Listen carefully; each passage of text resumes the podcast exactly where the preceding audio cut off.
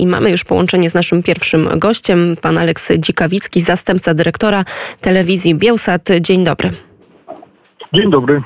No właśnie, to zacznijmy od tego pierwszego tematu. Co wiadomo na temat mobilizacji wojsk na Białorusi i tych specjalnych ćwiczeń, które mm, mają się odbywać na granicy z Ukrainą? Generalnie trudno powiedzieć, dlatego że oczywiście na Białorusi nie ma w ogóle żadnych e, teraz e, niezależnych mediów, wszystko zostało zniszczone. E, rozbite, e, więc e, oczywiście wojsko białoruskie za bardzo nie informuje w ogóle mediów o tym, co się dzieje, ale myślę, że tu nadal chodzi o to samo, co, o co chodziło dwa miesiące i trzy miesiące temu. Łukaszenka po prostu udaje taką podwyższoną aktywność, dlatego że armia białoruska, wojsko białoruskie nie jest jakieś ani potężne, ani dobrze uzbrojone, bo to są głównie czołgi, co w ogóle to jest sprzęt z czasów e, sowieckich. I normalnie to wojsko może wystawić może 15-20 tysięcy żołnierzy gotowych do walki. Też nieostrzelanych, bo Białoruś nigdy nie brała udziału w żadnej wojnie od początku niepodległości. Więc myślę, że to jest udawanie takiej hyper, hiperaktywności, żeby pokazać swojemu patronowi e, na Kremlu, że my jesteśmy też gotowi i że my razie czego będziemy walczyć, ale tak naprawdę myślę, że nie, dlatego że e, i Mińsk i Moskwa dobrze rozumieją, jakie są nastroje w armii białoruskiej i boją się blamarzu, e, czyli e, jakby się okazało, że na przykład padnie rozkaz na płacze drugiego frontu, a tu się okaże, że połowa armii białoruskiej albo, albo się poddaje, albo ucieka do lasu, albo w ogóle nie walczy. No właśnie, a też e, faktycznie wszystko wskazuje na to, że Białorusini nie chcą e, walczyć e, na Ukrainie. A proszę powiedzieć, co wiadomo na temat planowanego spotkania, rozmowy Aleksandra Łukaszenki z Władimirem Putinem. Wiemy, że chyba już teraz można powiedzieć samozwańczy przywódca Białorusi jedzie do Petersburga, ale czy już jest pewne, że to planowane spotkanie polityków w Grodnie się odbędzie? No też tego do końca nie wiemy. To było anonsowane szeroko, że Putin przyjedzie do Grodna. Jaki cel tego spotkania też nie wiemy. No ja się bardzo boję tego, że e, jakby rozczarowana sytuacją na froncie e, Rosja będzie chciała pochłonąć Białoruś, bo też e, są takie scenariusze, że e, Kreml, który to widzi, że nie udaje się w, takich, w takim tempie, jak planowano, pochłonąć Ukrainy, E, no to jakby swoim wyborcom, e, elektoratowi rzuci, rzuci taką kość no, w wyglądzie e, Białorusi, że zobaczcie, Białoruś chce być częścią Rosji, przeprowadzą referendum, a wiemy, że na Białorusi żadnych, żadnego liczenia głosów e, e, uczciwego nie może być i że być może o to chodzi. No nadzieję, ale wiemy też, ale wiemy też, że Białoruś po ostatnich wielkich protestach, zresztą które, których niestety skutkiem jest zatrzymanie wielu e, i publicystów i dziennikarzy, o tym też zaraz e, powiemy i po prostu przytrzymywanie ich e, w więzieniach, że to już też nie jest to państwo, o którym świat zdaje się myślał właśnie takie dosyć ugodowe, które mogłoby przystać na wszystkie rzeczy. To już nie jest ta sama sama Białoruś, o której mogliśmy myśleć przed tymi wielkimi protestami? No z całą pewnością nie, dlatego że przed tym rzeczywiście, tak jak pani mówi, myślało, że no już no dobrze, no tam jest dyktatura, no ale ludzie się godzą na to. Po jesieni e, 2020 roku wiemy, że tak już nie jest, że Białorusini po prostu masowo protestowali, oczywiście pokojowo, no ale nie chcieli tego reżimu, tej władzy. No i no, oczywiście to zostało niestety stłumione, e, te protesty zostały stłumione i no mamy to, co mamy, ale natomiast e, Największym problemem teraz jest, jest to, że e, ta machina represji nie chce się zatrzymać, bo oczywiście ci ludzie, którzy biorą udział w tych represjach, dostawali duże pieniądze. E, za swoje e, bezprawne działania. Dostawało duże pieniądze, e, posady, mieszkania i tak w stolicy. No i teraz nadal chcą się wykazywać tym, że jednak nadal coś robią, więc szukają e, ze wszystkich sił tak zwanych wrogów ludu, czyli tam jakichś spisków i tak dalej, żeby pokazać Aleksandrowi Łukaszence, że nadal są potrzebni. I na skutek tego mamy ogromne represje nadal, niestety e, mające miejsce na Białorusi, w tym wobec dziennikarzy też Bielsatu. No właśnie, ja pozwolę sobie zacytować e, słowa szefa Białoruskiego Stowarzyszenia Dziennikarzy. On e, stwierdził w wywiadzie dla Polskiej Agencji Prasowej, że to właśnie brak ostrej reakcji Zachodu na tłumienie e, tych białoruskich protestów niejako zachęcił Putina, zachęcił Rosję do ataku na Ukrainę. Proszę jeszcze raz powtórzyć pytanie, bo nie słyszałem o... Tak, tak. W, skrótowo, szef Białoruskiego Stowarzyszenia Dziennikarzy stwierdził w ostatnim wywiadzie, że brak e, takiej ostrej reakcji Zachodu właśnie na, na, na, na to poruszenie, na ten przełom, który nastąpił na e, Białorusi, czyli na te wielkie protesty, był niejako taką zachętą dla Władimira Putina, aby, e, aby zaatakować Ukrainę. W jaki sposób można to oczywiście powiązać?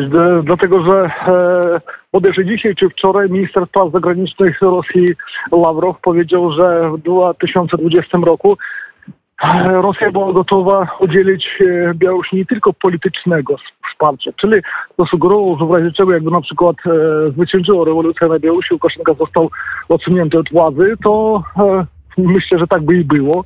E, po prostu wkroczyłoby wojsko rosyjskie na teren Białorusi, żeby ratować e, tak zwanego swojego sojusznika i brata. Więc oczywiście jak, jak, jakiś związek z tym jest. W ogóle e, myślę, że dopiero teraz Zachód w jakiś tam sposób zaczyna słuchać tego, e, co mówi między innymi Polska, no i też zawsze mówiła białoruska opozycja, że e, takie miękkie miękka reakcja na to, co robi Kreml, no to po prostu naprawdę nie robi wrażenia na, na, na Moskwie. Oni rozumieją wyłącznie, tylko i wyłącznie język siły.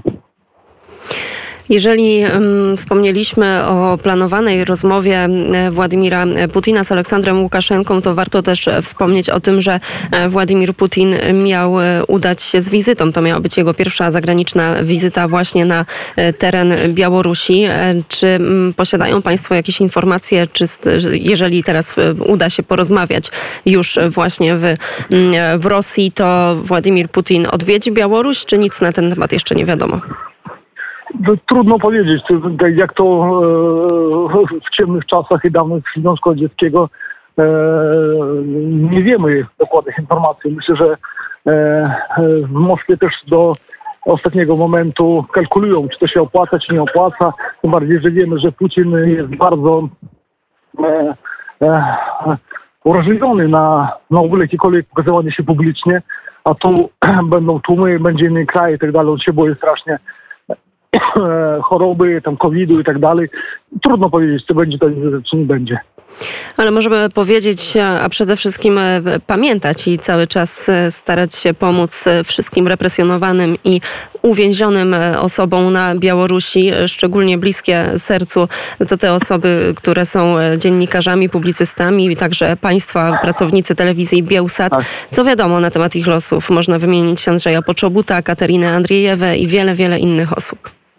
No oczywiście, niestety e, ta machina represji, jak mówiliśmy wcześniej, ona nadal e, jak gdyby e, robi swoją czarną pracę. No i wczoraj został skazany na 5 lat e, więzienia i to takiego zaostrzonego e, rygoru, czy jak się dobrze po polsku mówi, zaostrzonego rygoru, tak, e, w kolonii karnej zaostrzonego, zaostrzonym rygorze. Nasz kolega Władimir Mackiewicz to, to w ogóle jeden z najwybitniejszych białoruskich filozofów, a też e, prowadził program na Bielszacie, dostał 5 lat. Teraz mamy Katię Andrzejewą i Daszę Tulcową, które już odsiadują wyrok dwóch lat, ale e, wobec Katia Andrzejewicz 4 lipca zaczyna się kolejny proces. E, zarzucają ją, jej władze białoruskie zdradę ojczyzny, a to jest do 15 lat. No i zaczął się proces wczoraj naszej koleżanki Ireny Sławnik, przedstawicielki, e, da, dawniej przedstawicielki Bielsatu e, na Białorusi, a teraz po prostu e, pracowniczki TVP i jej grozi do 7 lat. Więc no niestety sytuacja jest bardzo, a to bardzo ciężka i no, proszę sobie wyobrazić, że dziennikarz ma zarzuty i może dostać 15 lat więzienia albo 7 lat. E, no to są rzeczy niewyobrażalne w ogóle nigdzie na świecie. To prawda. Jeszcze dochodzi dodatkowo ten, ten aspekt tak naprawdę te, takiej prze przemocy psychologicznej, bo jeżeli nawet ma się wyrok e, w kraju, gdzie e, jest jakakolwiek praworządność, to wie się, kiedy jest jakiś okres, kiedy to się kończy. No tutaj jest tak, że przecież, tak jak pan wspomniał, te procesy są odnawiane i tak naprawdę ci ludzie nie mają pojęcia, jaki będzie kolejny wyrok i to są absurdalne jeszcze dodatkowo no, na, na ogromną skalę i bardzo długie okresy czasowe, więc jeszcze jest tutaj dodatkowo ten aspekt takiej nie, niepewności tego, że to może być rok, może być dwa lata, może być siedem lat, a to jest wyjątkowo trudne, kiedy mówimy o izolacji, a jeszcze o bardzo często trudnych warunkach. A proszę powiedzieć, co wiadomo na temat zwolnionej z więzienia liderki polskiej mniejszości na Białorusi, Angeliki Borys? No ja tu jeszcze wracając do poprzedniego pytania, chciałbym tylko dodać, że na przykład taki jeden szczegół, pani mówiła o sytuacji takiej, takiej psychologicznej tych ludzi, psychicznej. No na przykład e, nasi dziennikarki, e, nasze dziennikarki, które są tam w więzieniu, one mają na przykład takie żółte oznaki e, na tych, na tych więziennych mundurach. Czyli to oznacza, że są skłonne do szczególnego, jak to nazywa się? Do szczególnej, mhm. Tak, do, do gwałtu, do, do rebelii i tak dalej. Czy proszę wyobrazić, to przecież jak najgorsze ma w ogóle skojarzenia z, chociażby z drugą wojną światową i tak dalej. Jeżeli chodzi o Angelikę, no to z tego co wiem, e, e, na razie ona jest pozostawiona, ona jest, no nikt jej e, przynajmniej nie nęka. Po tym zwolnieniu wiem, że jest zgodnie i na razie przynajmniej jej nie nachodzą, ale w sytuacji białoruskiej trzeba zawsze pamiętać, że ta tak zwana władza, ona przecież nie potrzebuje żadnego jakiegoś takiego formalnego powodu, żeby kogoś zacząć nękać. E, mam nadzieję, że to e, w sytuacji Angeliki, w wypadku Angeliki to, to się nie zdarzy, ale zawsze trzeba pamiętać, że to jest możliwe. To jeszcze tylko trzy słowa na temat bardzo bliskiego też redakcji Radia Wnet Andrzeja Poczobuta.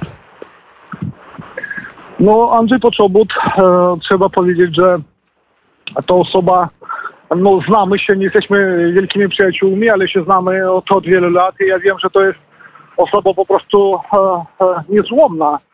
To jest człowiek, który nie chciał podpisać niczego, nie chciał iść na żadne układy z władzą. E, no to naprawdę jest bardzo twardy człowiek bez względu na to, że jednak jego stan zdrowia jest nie najlepszy, no to on po prostu w żaden sposób nie chciał ani zgodzić się na wywózkę do Polski, ani w ogóle nie, nie, nie szedł na żaden, na żaden, na żadne ustępstwa reżimowi. E, więc jeżeli, e, no to, to te kilka by było słów, jeżeli chodzi o jego stan zdrowia, teraz to niestety nie mam informacji. Miejmy nadzieję, że jak najszybciej wszyscy represjonowani, nie tylko dziennikarze, nie tylko publicyści, bo niestety ta liczba, ta lista tych osób jest bardzo długa, jak najszybciej będą mogli wyjść na wolność i cieszyć się też wolną Białorusią bez Aleksandra Łukaszenki. Tymczasem ja panu bardzo serdecznie dziękuję za rozmowę. Zastępca dyrektora telewizji Biosat Aleksy Dzikawicki był gościem Radia Wnet. Jeszcze raz dziękuję. Dziękuję za solidarność. Dziękuję. Wszystkiego dobrego.